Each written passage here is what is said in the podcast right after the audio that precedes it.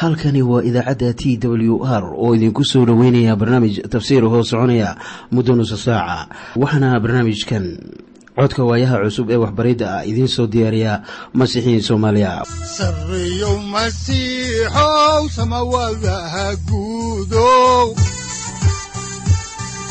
Siraadkii adduunkow subanaha eebow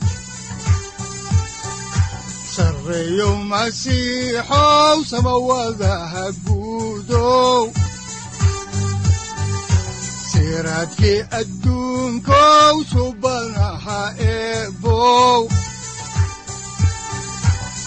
adigoo samada jiro ifkaan soo saldhiganba adigoo samada jiro ifkaan soo saldhiganba kutubtiisanaye udanogu saaciiday sharxin sifahaaga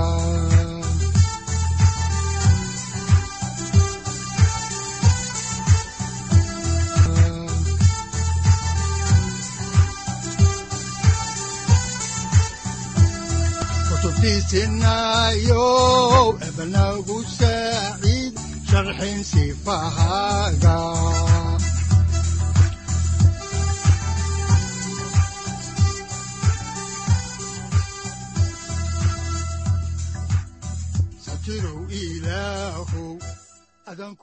ku soo dhowaada dhegaystayaal barnaamijkeenna dhammaantiinba waxaannu horay u sii ambaqaadi doonnaa daraasaadkii aynu ka soo xiganaynay kitaabka bilowgii ee loogu magacdaray baibalka dhammaantii.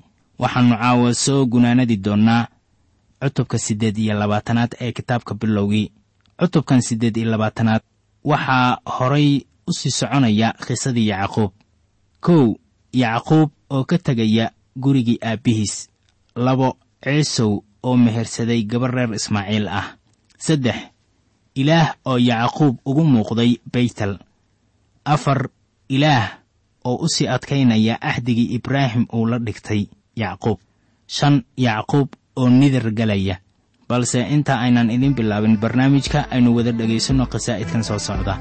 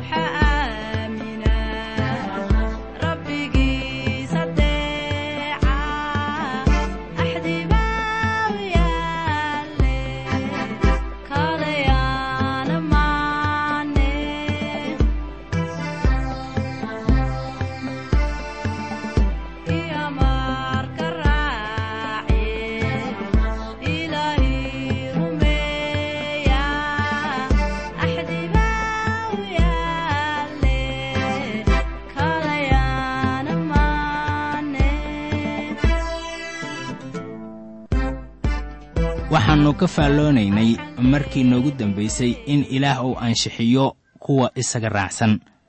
Waxaanse aragnay in weli yacquub aan loo bilaabin ansixinta ilaah ayaa ugu muuqday beytel waxaana loo sii xaqiijiyey ballankii ibraahim iyo isxaaq. Ha yeeshee yacquub waxbaa u dhiman. Bal haatanna aynu eegno waxa uu samaynayo. Aynu dib ugu noqonno kitaabka bilowgii cutubka siddeed iyo labaatanaad aayadaha lix iyo toban ilaa toddoba iyo toban. Waxaana qoran sida tan.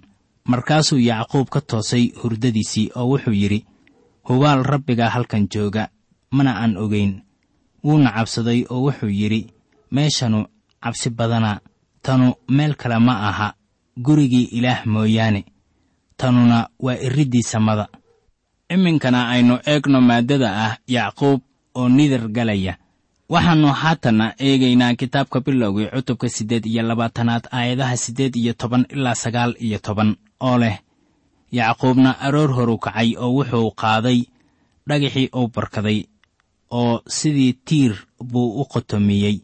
Kolkaasuu saliid ku dul shubay meeshaas magaceediina wuxuu u bixiyey beytel laakiinse markii hore magaalada magaceedu wuxuu ahaa luus. Bal haatanna dhegayso yacquub waxa weeye inuu wax badan ilaah ka bartaa. Waxa kan uu samaynayo ayaana xaqiiqo u ah. Aan dib haddaba ugu noqonno xigashadii kitaabka oo aan eegno cutubka siddeed iyo labaatanaad aayadaha labaatan ilaa kow iyo labaatan waxaana qoran sida tan. Yacquubna nidar buu nidiray oo wuxuu yidhi haddii ilaah ila jiro oo uu jidkan aan socdo igu dhowro oo uu i siiyo wax aan cuno iyo dhar aan xidho oo aan aniga oo nabad qaba ku soo noqdo gurigii aabbahay markaas rabbigu wuxuu ii noqon doonaa ilaahay. Muxuu samaynayaa? Wuxuu doonayaa inuu ilaah la baayactamo. Wuxuu leeyahay ilaahow haatan haddaad sidaas iyo sidaas ii samayso. Laakiin ilaah wuxuu durbadiiba u sheegay inuu waxyaabahaas oo dhanba u samaynayo isaga. Wuxuuna yidhi waan kula jiri doonaa oo dhulkan ayaan dib kugu soo celin doonaa. Waxaa kaloo uu ilaah yidhi waxaan ku siinayaa dhulkan iyo farcan. Haddaan dib ugu noqonno kitaabka bilowgii cutubka siddeed iyo labaatanaad aayadda laba iyo labaatanaad oo ah aayadda ugu dambaysa ayaa leh oo dhagaxan aan sidii tiir u qotomiyey wuxuu noqon doonaa guriga ilaah oo wax alla oo wixii aad i siisidna hubaal meel tobnaadka adigaan ku siin doonaa markaana yacquub dhagaxan ayuu sidii tiir u qotomiyey. Wuxuu isku dayayaa inuu ilaah heshiis la galo. Marka ay sidan tahay ayaa dad badan oo innaga ah ay maanta isku dayaan inay ilaah heshiis la galaan. Saaxib wuxuu ilaah doonayaa inuu aabbe kugu noqdo rumaysadkaaga masiixa. Haddaan soo koobo haddaba qisadii yacquub weli fari kama qodna ha yeeshee waxaynu iminka intaa ku arkaynaa cutubka siddeed iyo labaatanaad. Qisadu waxay ka sii soconaysaa cutubka sagaal iyo labaatanaad. Waxaanan arki doonnaa waxa u dambeeya yacquub. Wuxuu kol dhow geli doonaa tababar adag. Waa marka uu u tago abtigiis. Waxaana halkaas ugu horreeya imtixaan adag waxaannu haatan soo gaarnay cutubka sagaal iyo labaatanaad ha yeeshee mawduucyada cutubkani uu ka kooban yahay waxa ay kala yihiin kow yacquub oo yimid haaraan labo yacquub oo la kulmay raaxeel saddex yacquub oo la kulmay laabaan afar yacquub oo u shaqaynaya sidii uu ku guursan lahaa raaxeel shan yacquub oo lagu khiyaaneeyey inuu lee ah guursado balse inta aynan barnaamijkan guda gelin waxaa habboon inaan ku nasanno qadar yar oo myuusig ah. Bilowga cutubkan ayaan jeclaan lahaa inaan ku bilaabo hadalladan soo socda ee bawlos kuwaasoo uu ku qoray warqaddiisii dadkii galatiya cutubka lixaad aayadaha toddoba ilaa siddeed oo leh yaan laydiin khiyaanayn ilaah laguma majaajiloodo waayo nin kasta wax alla wuxuu beerto ayuu goosan doonaa waayo kii jidhkiisa wax ku beertaa wuxuu jidhka ka goosan doonaa qurun. Laakiin kii ruuxa wax ku beertaa wuxuu ruuxa ka goosan doonaa nolol weligeed ah. Sida abbaarta ah mawduuca aynu doonayno inaan cutubkan u horumariyo. Waxa weeye yacquub oo u imaanaya imtixaan. Bilowga cutubkan waxaynu ku arkaynaa in yacquub uu bilaabay inuu goosto sharkii uu tabcaday qidcadan ku qoran warqaddii galatiya waxaa loo qoray aasaasiyan masiixiyiinta laakiin waxay tilmaamaysaa sharci waadix ah oo ilaah kaasoo jira ama dhaqangal ah xilli kasta. Haddaba wakhti aan la garanaynin bay ku qaadatay inuu soo gaaro tuuladii haaraan. Haatanna aynu eegno maaddada ah yacquub oo yimid haaraan haddaan dib ugu noqonno kitaabkii aynu idin akhrinaynay wakhtiyadan ee bilowgii ayaa waxaa ku qoran cutubka sagaal iyo labaatanaad aayadaha kow ilaa saddex sida tan yacquubna socdaalkiisii buu iska sii socday oo wuxuu yimid dalkii reer bari. Kolkaasuu wax fiiriyey oo wuxuu arkay ceel barrinka ku dhex yaal oo waxaa joogay saddex qaybood oo ida ah oo agtiisa jiifjiifa maxaa yeelay ceelkaasay idaha ka waraabi jireen. Dhagaxii ceelka afkiisa saarnaana aad buu u weynaa oo halkaasaa idaha oo dhan lagu soo ururin jiray. Kolkaasay dhagaxii ceelka afkiisa ka rogi jireen oy idaha ka waraabin jireen. Markaasay mar labaad dhagaxii ceelka afkiisa saari jireen oy ku celin jireen meeshiisii. Waxaynu inta ku arkaynaa muhiimadda ay biyuhu ka leeyihiin waddankan. Weli biyuhu waa muhiim waayo waxaa jira meelo badan oo biyuhu ay ku yar yihiin. Waa in la eegaa biyaha oo la ilaashaa waana sababtaas waxa mararka qaar maalinnimada dhagaxii inta laga wareejiyo ceelka afkiisa oo qof waliba u waraabsado idihiisa qof walibana wuxuu helayaa biyaha uu u baahan yahay. Dabeetana dhagaxii baa halkii lagu celinayaa si ceelka loo daboolo. Yacquub wuxuu yimid halkaas intaan dhagaxa laga wareejin ceelka afkiisa. Imaqal ninkanu waa xariif. Bal iminkana aynu eegno waxaa ku qoran cutubka sagaal iyo labaatanaad aayadaha afar ilaa shan oo leh. Markaasaa yacquub uu ku yidhi walaalahayow xaggeed ka timaadeen. Iyana waxay yidhaahdeen waxaannu ka nimid haaraan. Markaasuu ku yidhi ma taqaanin laabaan oo ah ina naaxoor markaasay ku yidhaahdeen waannu naqan. Waa sidaase way garanayeen laabaan laakiin yacquub ma uu garanaynin. Weli laakiin yacquub wuu baran doonaa laabaan. Haddaan halkaa ka sii wadno ama aan ka sii ambaqaadno faallada kitaabka ayaa waxaa ku qoran cutubka sagaal iyo labaatanaad aayadaha lix ilaa toddoba sida tan soo socota markaasuu ku yidhi ma nabad qabaa? Iyana waxay ku yidhaahdeen haa wuu nabad qabaa. Waa taas gabadhiisii raaxeel idaha soo kaxaynaysa. Oo wuxuu ku yidhi iyagii bal eega weli waa maalin weyn mana aha goortii xoolaha la soo wada ururin lahaa. Idaha waraabiya oo kaxeeya oo daajiya. Haddaba yacquub iminkadan ayuu dhulkan soo galay wuxuuna u sheegayaa sidii ay idahooda u waraabin lahaayeen iyo wixii ay samayn lahaayeen. Yacquub dabeecaddan baa lagu yaqaan habase yeeshee aynu ka sii soconno oo aan eegno cutubka sagaal iyo labaatanaad aayaddiisa siddeedaad oo leh. Iyana waxay yidhaahdeen ma yeeli karno taas. Jeeray idayowga oo dhammu isu yimaadaan oo dhagaxa ceelka afkiisa laga rogo markaasaannu idaha waraabinaynaa iminkana aynu ka hadalno mawduuca ah yacquub oo la kulmay raaxeel. Haddaan halkii ka sii wadno aayadihii aynu ka soo xiganaynay kitaabka bilowgii cutubkiisa sagaal iyo labaatanaad ayaa aayadda sagaalaadi leedahay oo intuu weli la hadlayay ayaa raaxeel keentay idihii aabbaheed waayo iyadaa ilaalin jirtay. Raaxeel waxay ahayd ari jire oo waxay dhaqaalayn jirtay idaha aabbaheed taasuna waxay ahayd howlaha ay dumarku qabtaan maalmahaas.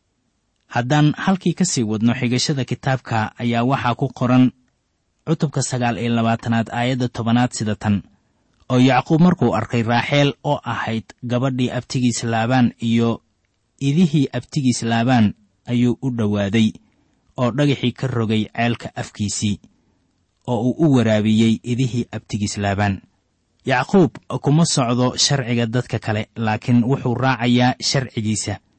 Isaga ayaa sharciyada xeerarka samaysta waana qaybta hore ee noloshiisa. Waxaase hor yaalla cashara ad adag oo ay tahay inuu barto waana abtigiis laabaan kan baraya.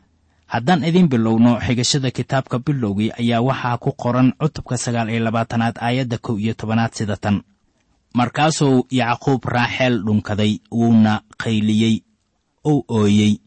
Waxaan u malaynayaa markii uu salaamay gabadhan oo ka mid ahayd qoyskii reer abtigiis ayaa waxaa ka buuxsamay kalgacayl sokeeyanimo wuuna ooyey. Bal aannu ku noqonno cutubka sagaal iyo labaatanaad oo aan eegno aayadda laba iyo tobanaad. Yacquubna wuxuu raaxeel u sheegay inuu yahay aabbaheed xigaalkiis oo uu yahay wiilkii rebeqa kolkaasay oroday oo ay u sheegtay aabbaheed. Waxaad ogaataa inuu yidhi waxaan ahay aabbaha xigaalkiis oo loo fasiran karo aabbaha walaalkiis. Luqadda cibraaniyadda xidhiirka dadka uma kala saar saarto sida innagu aynu u kala saar saarno maanta.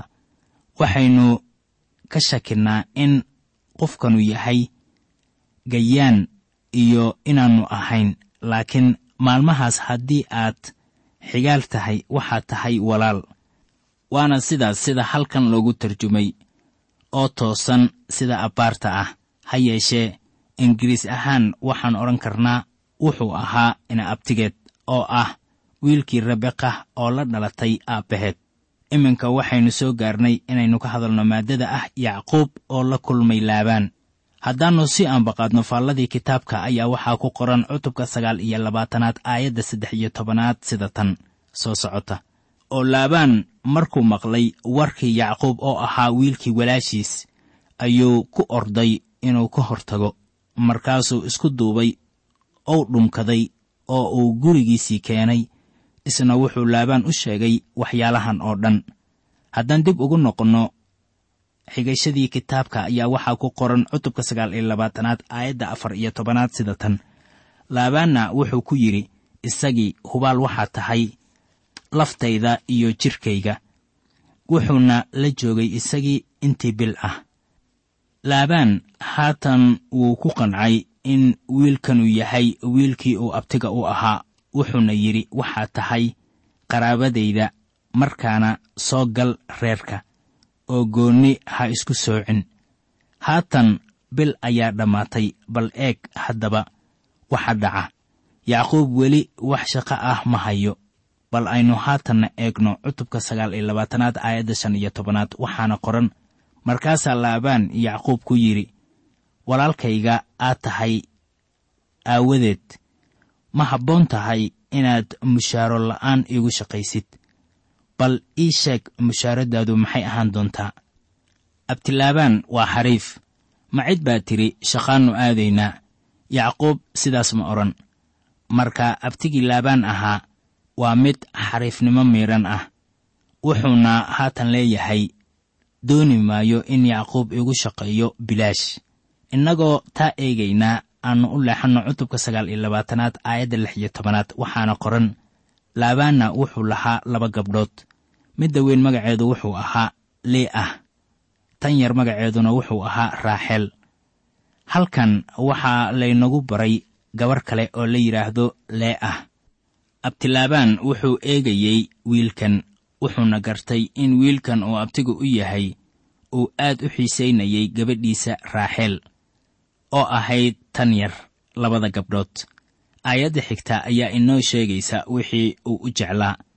Haddaba cutubka sagaal iyo labaatanaad aayadda toddoba iyo tobanaad ayaa leh lii ahna way indha darnayd laakiin raaxeel way quruxsanayd suurad wanaagsanna way lahayd. Raaxeel waxay ahayd gabar quruxsan lii ahna way indha darnayd. Taasna waxaa loo qaadanayaa inay quruxsanayn innaba. Iminkana aynu eegno maaddada ah yacquub oo u shaqaynayaa siduu ku guursan lahaa raaxeel haddaan halkii ka sii wadno xigashada kitaabka ayaa waxaa ku qoran cutubka sagaal iyo labaatanaad aayadda siddeed iyo tobanaad sida tan soo socota. Yacquubna wuxuu jeclaa raaxeel markaasuu yidhi toddoba sannadood baan kugu shaqayn gabadhaada yar ee raaxeel ah. Waxaynu aragnay in yacquub indhihiisu furnaayeen markaana subaxii wakhtiga la quraacdo markii abtilaabaan uu ku teliyey in yacquub howl galo arrin baa maskaxdiisa ku jirtay. Wuxuu garanayay in wiilka yacquub ah oo gabadha jecel yahay markaana u malayn maayo inuu la yaabay jawaabtii yacquub. Markii uu weyddiistay waxa mushaaradiisu noqon doonto. Yacquub wuxuu doonayey inuu toddoba sanno raaxeel u shaqeeyo. Ninkan laabaan ah si kulul buu u gorgortamayaa. Haddaan halkaa ka sii wadno xigashada kitaabka bilowgii cutubka sagaal iyo labaatanaad ayaa aayadda sagaal iyo tobanaadi leedahay.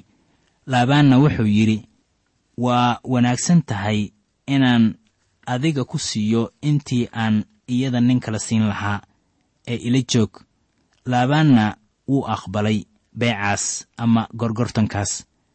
Haatan aayaddan soo socota ayaa inoo sheegaysa waxa wanaagsan oo laga yidhi yacquub sida daacadda ah sannadihii hore ee yacquub noloshiisa ayaa quruxda keliya ee muuqata ama sharaf iyo wanaagba leh ee yacquub qusaysay. Waxay ahayd jeceylkii uu raaxeel jeclaa. Haddaba aynu eegno aayadda labaatanaad oo leh yacquubna toddoba sannadood buu u shaqaynayay raaxeel aawadeed waxayna la ahaayeen maalmo yar. Waana jeceylkii uu iyada u qabay aawadiis waxaad arki kartaa ninkan oo shaqaynaya. Waxaan kuu sheegayaa abtilaabaan ayaa yacquub ka dhigay mid hooshiisa ama xilkiisa gud wuxuu ku shaqaynayey qabowga roobka dhexdiisa iyo cimilo waliba. Laakiin mar waliba wuxuu ka fikirayey raaxeel iyada ayuu la kulmayey wakhti kasta oo adag. Jeceylka uu u qabay raaxeel wuu weynaa aynu halkii ka sii wadno xigashada kitaabka oo aan eegno cutubka sagaal iyo labaatanaad aayadaha kow iyo labaatan ilaa laba iyo labaatan. Yacquubna wuxuu laabaan ku yidhi maalmahaygii way dhammaystirmeen oo naagtayda isii si aan ugu tago iyada. Markaasuu laabaan soo ururiyey nimankii meeshaas joogay oo dhan oo wuxuu sameeyey diyaafad. Haatanna aynu eegno maaddada xigta ee ah yacquub oo lagu khiyaaneeyey inuu guursado lii ah. Waxaad haatan eegtaa waxa uu abtilaabaan samaynayo. Aynu dib ugu soo laabanno cutubka sagaal iyo labaatanaad oo aan eegno aayadaha saddex iyo labaatan ilaa lix iyo labaatan oo leh oo waxay noqotay inuu fiidkii kaxeeyey gabadhiisii lii ah oo uu u geeyey isagii.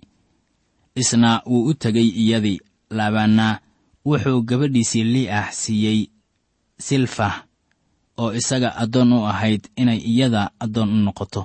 Yacquubna wuxuu aroortii arkay inay tahay lii ah oo wuxuu laabaan ku yidhi waa maxay waxaanaad igu samaysay? Miyaanan raaxeel kugu shaqaynayn.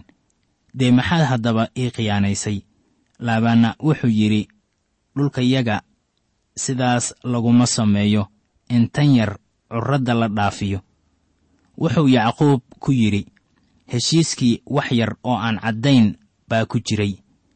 Waa warbixin qoran ayuu yidhi laabaan oo aan ka iloobay inaan kuu sheego yacquubow. Waxaa caado u ah dhulkayaga in gabadha weyn marka hore la mehersadaa oo gabadha yarina. Guursan mayso ilaa tan weyn marka hore la guursado. Haddaan dib ugu noqonno cutubka sagaal iyo labaatanaad aayadda toddoba iyo labaatanaad ayaa waxaa qoran sida tan. Bal tan toddobaadkeeda dhammee tan kalena waxaan kugu siin doonaa shuqulka aad toddoba sannadood oo kale ii shaqayn doontid. Aynu halkii ka sii wadno xigashada. Waxaana ku qoran cutubka sagaal iyo labaatanaad aayadda siddeed iyo labaatanaad sida tan. Yacquubna sidii buu yeelay. Toddobaadkeediina wuu dhammeeyey markaasuu laabaan yacquub siiyey gabadhiisii raaxeel inay naag u noqoto abtilaabaan laba goor buu ku shaqeeyey yacquub taasoo aan markii hore lagu heshin toddoba sannadood way dheerayd laakiin imaqal afar iyo toban sannadood aad bay u dheer tahay. Heshiiskan ayaa yacquub ku muteystay inuu helo laba naagood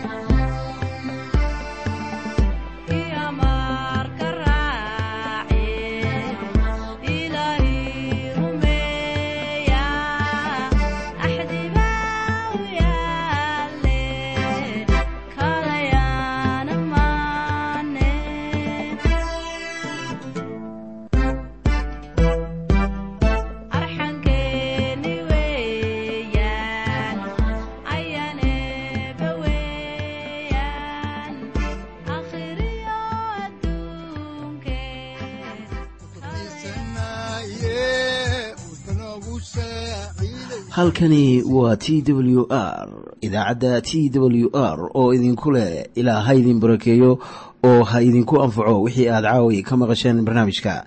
Waxaa barnaamijkan oo kalea maqli doontaan habeen dambe hadahan oo kale haddiise aad doonaysaan in aad fikirkiina ka dhiibataan wixii aad caawi maqasheen ayaad nagala soo xiriiri kartaan som t w r at t w r c o k e dhegaystayaal haddii aad doonaysaan inaad mar kale dhegaysataan barnaamijka fadlan mar kale booqo www t t b o r g ama www t w r o r g halka sare waxaad ku arkaysaa markii aad gasho language ama luuqadda waxaana dooranaysaa soomaali.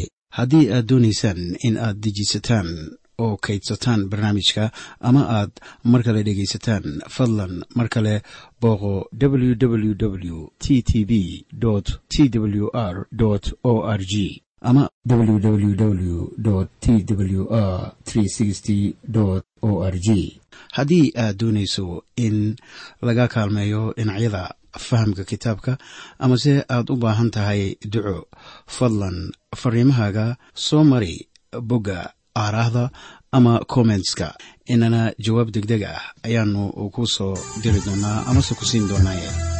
Sareyow masiixow salula wihiyow